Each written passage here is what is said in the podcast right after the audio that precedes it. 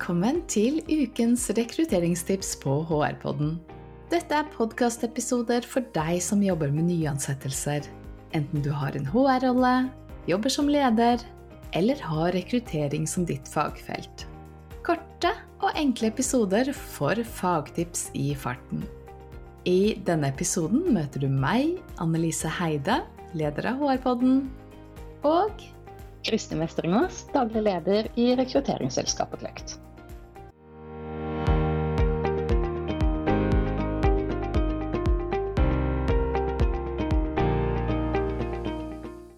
Du Kristin, hvor mye koster egentlig en feilrekruttering? Oi, det blir jo nesten som å si tenk på et tall, for svaret det er jo egentlig at det kommer an på. Det vil jo avhenge av hva rekrutteringsprosessen har kostet, hva lønnen i stillingen er, og hva feilrekrutteringen har fått av konsekvenser. Mm, sant nok. Det er mange faktorer som spiller inn. Og selv om det finnes snittberegninger, eh, og mange konsulentselskaper opererer med et slags estimat på dette tallet, så vil det naturlig nok variere stort. Ja, et mye brukt tall er jo halvannen ganger årslønn. Men som sagt, det er nesten helt umulig å si i forkant. Det vi kan bidra med, er jo å gi folk noen verktøy og en bedre innsikt i hva du bør ta høyde for, slik at man faktisk kan estimere dette tallet for sin egen virksomhet. Men si meg, hvorfor tenker du at det er viktig å vite det? Jeg tenker det er et viktig tall, um, fordi nettopp det tallet her er verdens beste argument for å gjøre en ordentlig rekrutteringsprosess. Så hvis vi minner oss selv på hvor mye det koster å rekruttere feil, så fremprovo fremprovoserer det kanskje litt mer vilje og energi for å gjøre en sånn bunnsolid rekrutteringsprosess der vi reduserer risikoen for feil. Eh, problemet noen ganger, det er at en bunnsolid rekrutteringsprosess, det krever litt mer tid og ressurser. Og så er det lett å bli frista til å hoppe over noen viktige steg, eller kanskje ta litt lett på seleksjonsprosessen fordi man har det travelt. For uh, i hvert fall når jeg jobbet på HR tidligere, så var det jo sånn at rekrutterende leder, han hen, skulle jo helst hatt en nyansatte i går. ja, og min erfaring er jo at kunden er veldig motivert for å gjøre en grundig rekrutteringsprosess.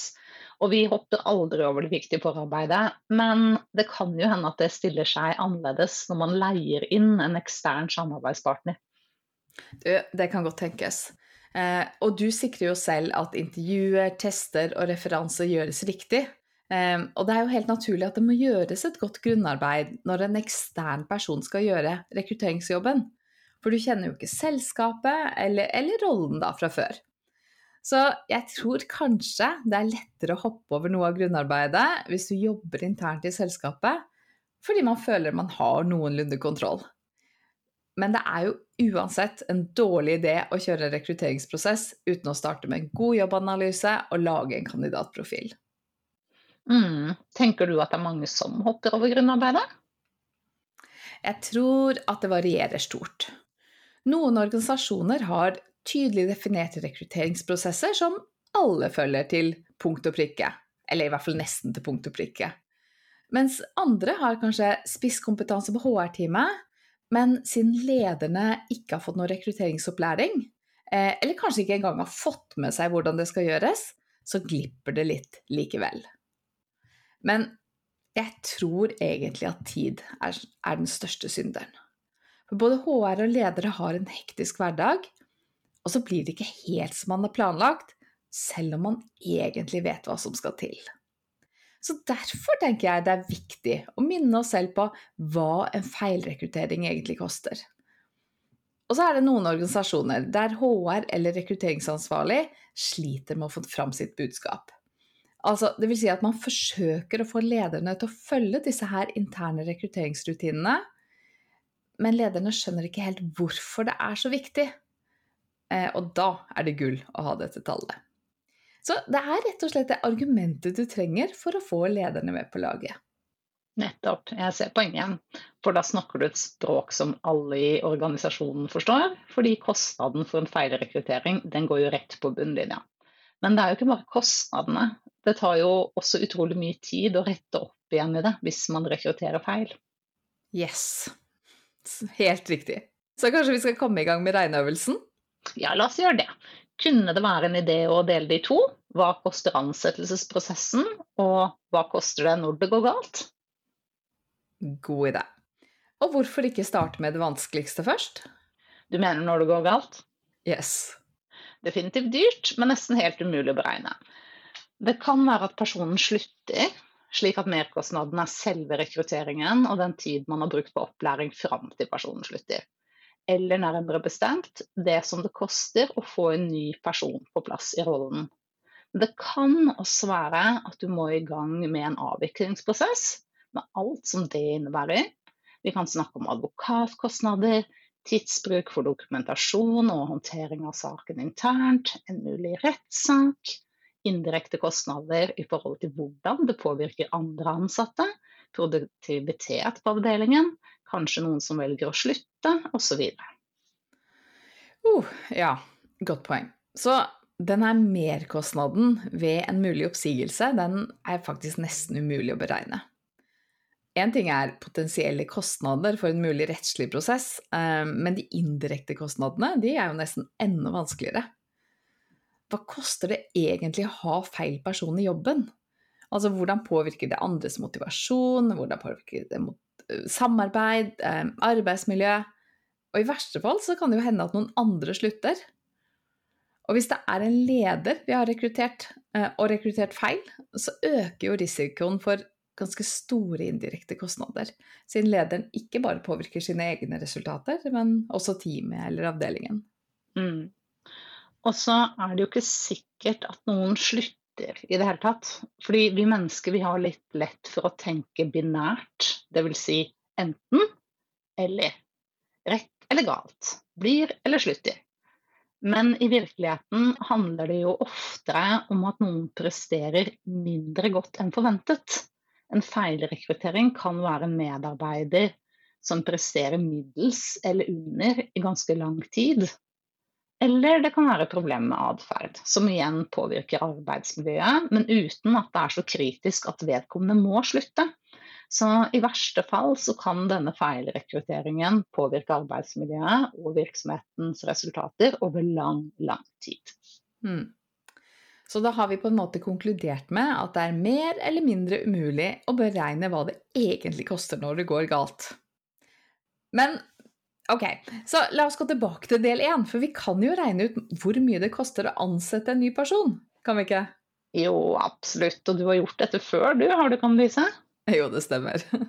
Og, og det i seg selv er faktisk et veldig interessant tall. For det er jo på en måte den absolutte minimumskostnaden ved å rekruttere feil. Mm.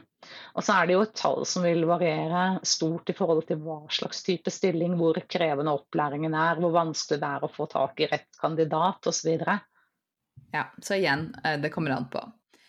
Men jeg tenker at nettopp fordi det varierer så stort, så er det nyttig å gjøre denne lille eh, regneøvelsen for egen virksomhet.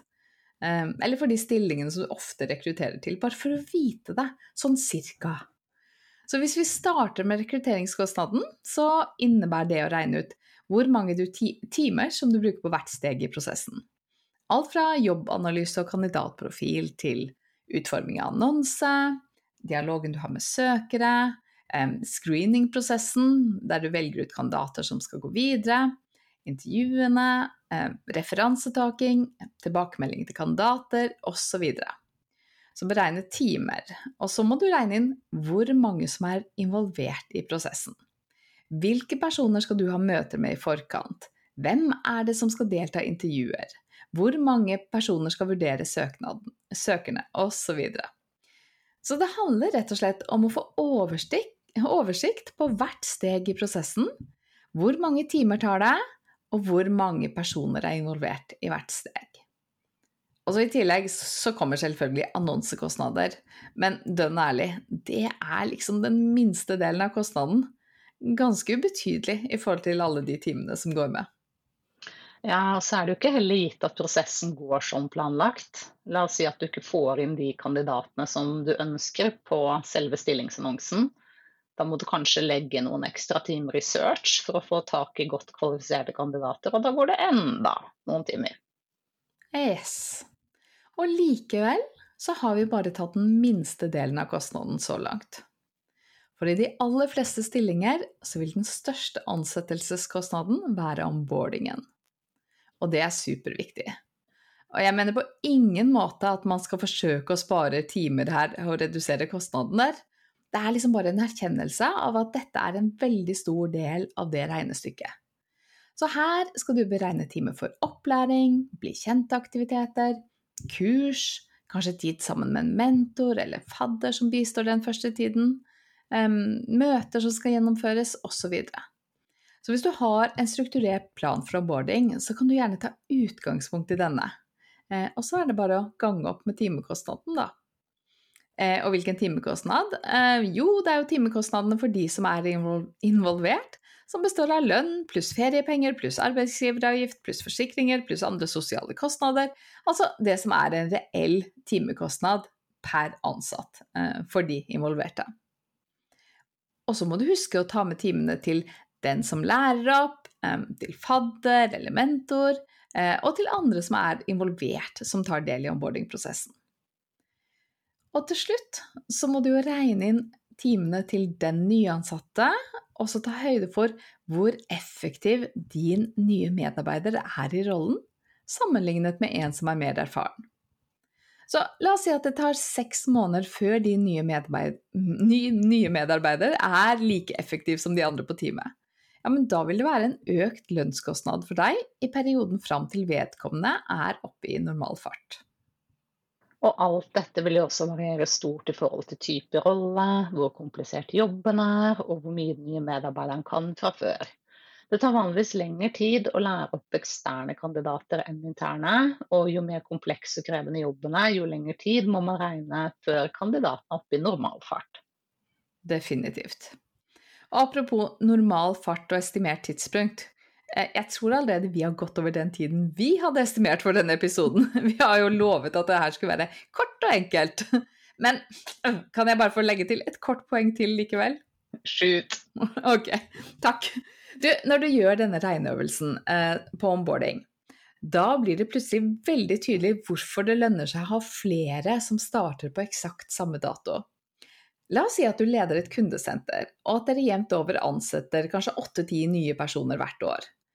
Da vil det være veldig lønnsomt å koordinere oppstarten sånn at alle de nye starter den første i måneden, og at fortrinnsvis to eller flere starter samtidig. Og jeg vet at eh, ledere ofte vil ha den ansatte så fort som mulig. Men hvis du har én oppstart i måneden og neste oppstart eh, Hvis du har én oppstart f.eks. midt i måneden, 15., eh, og så har du neste oppstart den første i neste måned, da kan det være at den ekstra kostnaden til opplæring fort utgjør 100 000 ekstra, bare fordi at du må gjennomføre én-til-én-opplæring, framfor at alle opplæringsaktiviteter kan koordineres for to eller kanskje enda flere samtidig.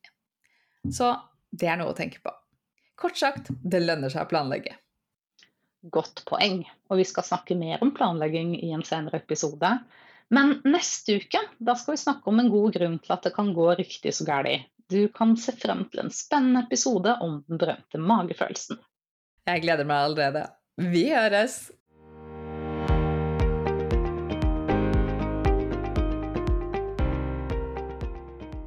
Synes du dette var nyttig? Del gjerne episoden med en venn eller kollega. Og følg Annelise og Kristin på LinkedIn for mer fagstoff om HR og rekruttering. Og du, husk at HR-podden kommer ut med en ny og spennende episode hver onsdag. Vi høres!